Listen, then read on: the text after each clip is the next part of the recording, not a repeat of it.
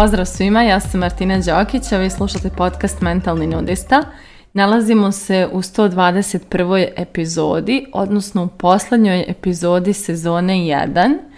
Tako da jun, jul, avgust neće biti novih epizoda, ali evo ima ih 121 koje mogu da se poslušaju ponovo i da se obnove. Taman ima vremena za tri mjeseca, pa i više nego dovoljno je za tri mjeseca. A hvala Bogu teme su takve da uvijek možemo da im se vraćamo, da iz novog ugla saslušamo opet tu neku istu temu i dođemo do nekih novih zaključaka. Tako da opremila sam vas da se vraćate starim temama ukoliko vam baš bude nedostaje ovaj podcast preko leta. E, u ovoj epizodi odlučila sam da pričam o temi koja se zove koji je to sljedeći pravi korak, odnosno kako nekada da znamo koji nam je pravi korak koji sleduje i meni konkretno e, se u posljednjih mjeseci složilo to da znam koji su mi tačno ciljevi za tamo nekad narednu godinu ili kraj naredne godine. Znam koji su mi neki sada ovi koraci koji su vezani dosta za te ciljeve, ali falio mi je taj neki među korak, to, ta neka tranzicija iz ovog sada u to buduće, kako je napraviti lagano, a da sam na pravom putu. I ka, ono, nekad, nije, nekad se čini da su očigledni ti sljedeći koraci, ali nismo nekako mi usaglašeni s tim, s tim, a nekad uopšte nismo sigurni koji su ti sljedeći koraci i nismo sigurni ono kojim putem da krenemo, šta je ispravno, da li će nas nešto odvući sa pravog puta ili, ili nas odvesti na pogrešan i tako dalje. I evo ja što, što sam više negdje povezana sa sobom, što više znam o sebi, što više čujem sebe, to mi postaje jasnije da e, ne trebamo misliti i pogrešno je potpuno misliti da mi kontrolišemo sve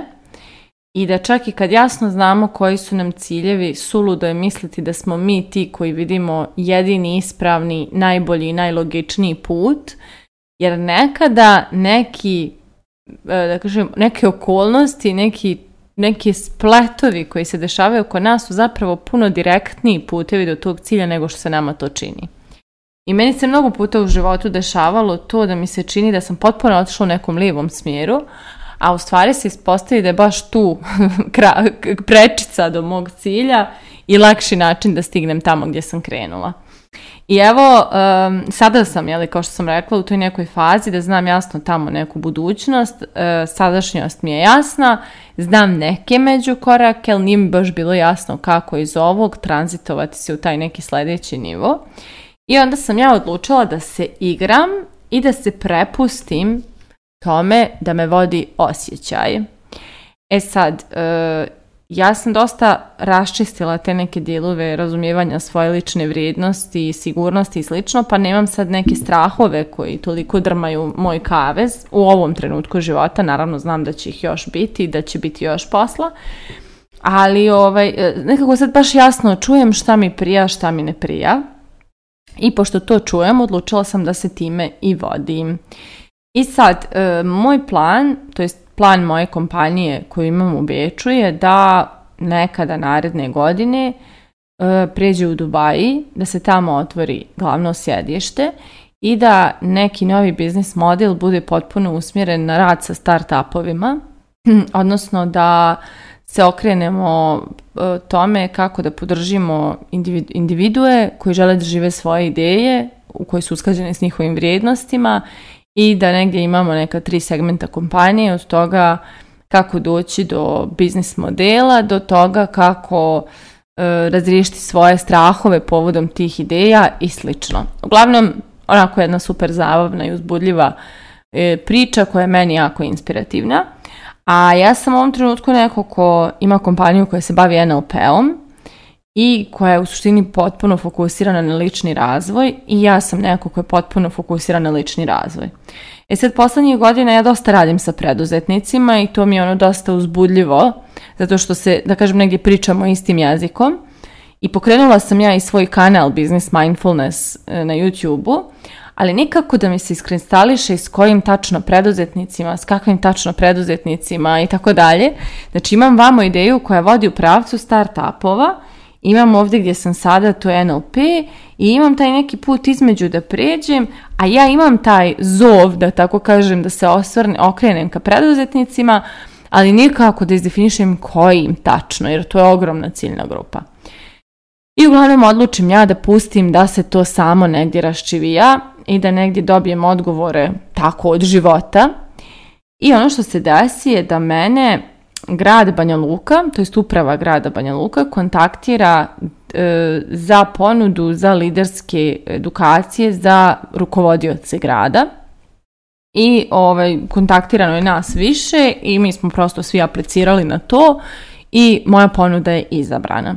E sad, fora je bila što ja inače ne radim mnogo edukacija sa timovima u kompanijama, kad ono kompanija pošalje ljude, zato što tu uvijek u grupama bude puno ljudi koji su otporima, koji nisu tu izabrali da budu, a ja ne volim da radim u takvom okruženju, volim da su ljudi tu s opstvenim izborom, da im je lijepo, da su jedva čekali edukaciju i da prosto u nekoj dobroj energiji učimo i rastemo. Međutim, kada sam čula za ovu inicijativu gradske uprave, meni je to bilo tako fenomenalno, što postoji inicijativa da u upravu grada, u jednu takvu instituciju uđe ova vrsta znanja i da prosto ljudi žele da rastu i da se unapređuju na ovaj način. I baš sam bila uzbuđena oko te ideje i čak sam rekla, čak i da ja ne dobijem projekat, ja sam presrećna što ga radite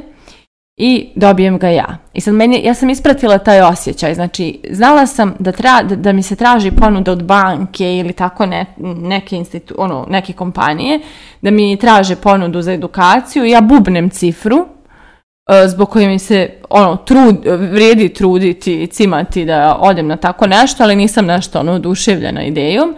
I uglavnom ono ne prođe jer, jer sam bubnula dobru cifru, ali ono toliko mi se nije radilo u tom nekom, da kažem, sistemskom okruženju, korporativnom i slično, tako da sam uvijek tako gledala to negdje diskretno malo zaobiđem. Ali ovaj put sam baš imala jak nagon da želim da radim i baš sam imala onako puno entuzijazma i Čak i mnogo ljudi mi je reklo, ovaj, kada sam razgovarala e, dobila sam projekat, idem da radim u gradsku upravu, bilo za ono, jao,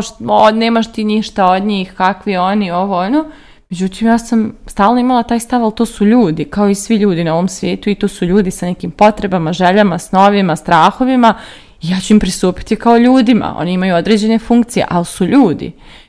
I zaista krenem ja da radim sa gradskom upravom i to, mislim, meni je bilo divno iskustvo. Evo, e, juče je završena, završen taj ciklus, taj prvi ciklus naše sradnje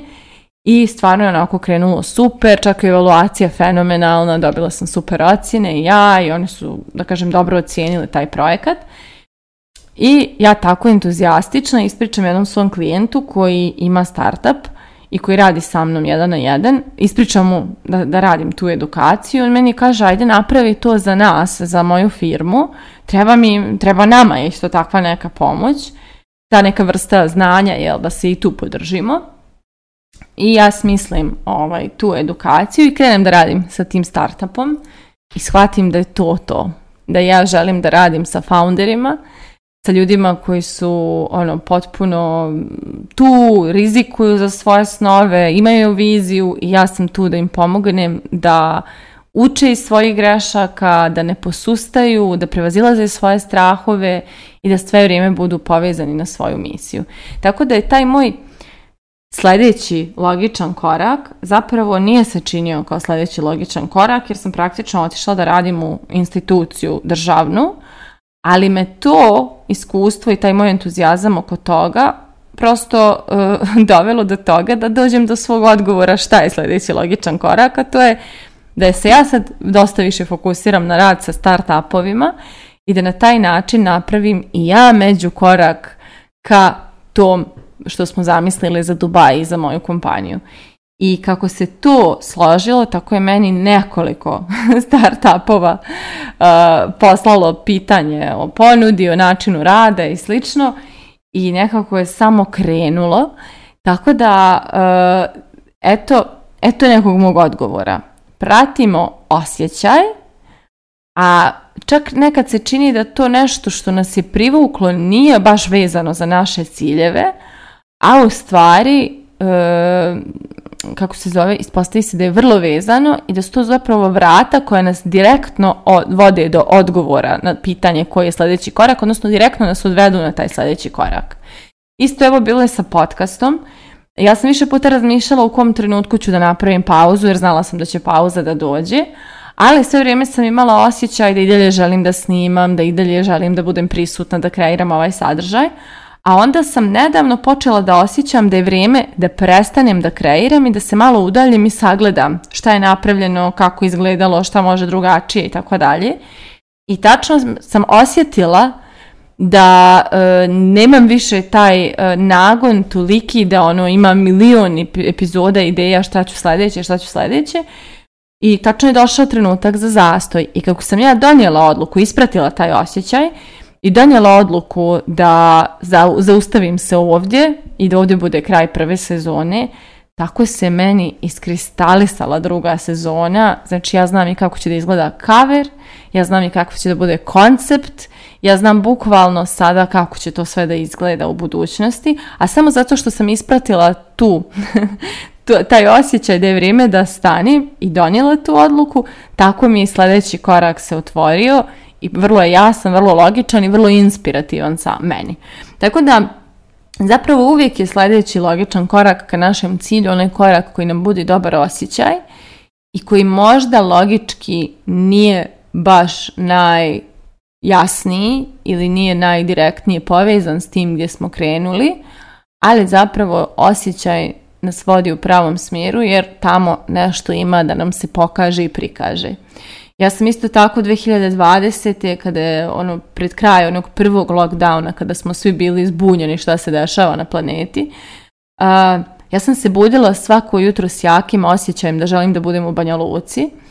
i meni je to tada bilo krajnje nelogično i čak što više da mi je neko koji mjesec ranije rekao živjet ćeš u Banja Luci za par mjeseci ja bih ga pitala da li sam propala i da li je nestalo sve što sam stvorila i da li sam odustala pa sam se vratila u Banja Luku jer je meni Banja Luka prosto bila početna tačka i bilo mi je čudno da se, da mislim da ću se tu vratiti. Znači išla sam, selila sam se u veće gradove, u Beograd pa u Beč, pa sam mislila sigurno da idem na sljedeći nivo. Tako da, e, ja sam ispratila taj osjećaj, taj, ja, tu, taj jasan osjećaj da želim da budem u Banja Luci. I evo dvije godine kasnije ja sam potpuno drugačija osoba zbog te odluke. Ja sam osoba koja je provela dvije godine uživajući u čarima srećne porodice, dobila sam svoje srećno djetinjstvo, dobila sam taj neki osjećaj zajedništva, podrške, ljubavi, prisustva, svega. Zaustavila sam, usporila sam svoj ritam života, nisam ga zaustavila, ali sam ga usporila značajno, toliko da mogu da se posvetim i svojim rutinama i nekim svojim temama koje sam dugo željela da razriješim, ali moja dinamika života mi to nije omogućavala. Tako da ću ja svoj naredni korak koji budem napravila, koji će svakako biti odlazak iz Banja Luke, kada osjetim jeli, da je to taj sljedeći,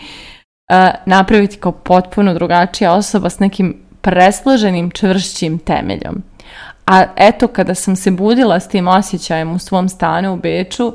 nisam bila, nije mi bilo jasno nisam bila sigurna otkud mi ta ideja i gdje će me ona odvesti i da li, to, da li je to nekakvi korak unazad, znači ništa mi nije bilo jasno otkud mi to, a evo iz ove perspektive bravo ja što sam poslušala taj osjećaj. Tako da nama je već sve rečeno, to je što se kaže reklo nam se samo i sljedeći korak je nama savršeno jasan. Samo glava nekad dovodi u pitanje da li to sad treba da uradimo, da li je to taj sljedeći korak, jer to, znaš, ne vodi tamo gdje smo mi zamislili, a u stvari možda baš to vodi tamo gdje smo mi zamislili, baš se iza tog koraka skrije neka spoznaja i neka, neka informacija koja je ključna za to gdje smo krenuli. Tako da moje pitanje za kraj ove epizode je koji je to vaš sljedeći pravi korak i kada ćete ga načiniti? mislite o tome, a mi se družimo od jeseni. Ćao!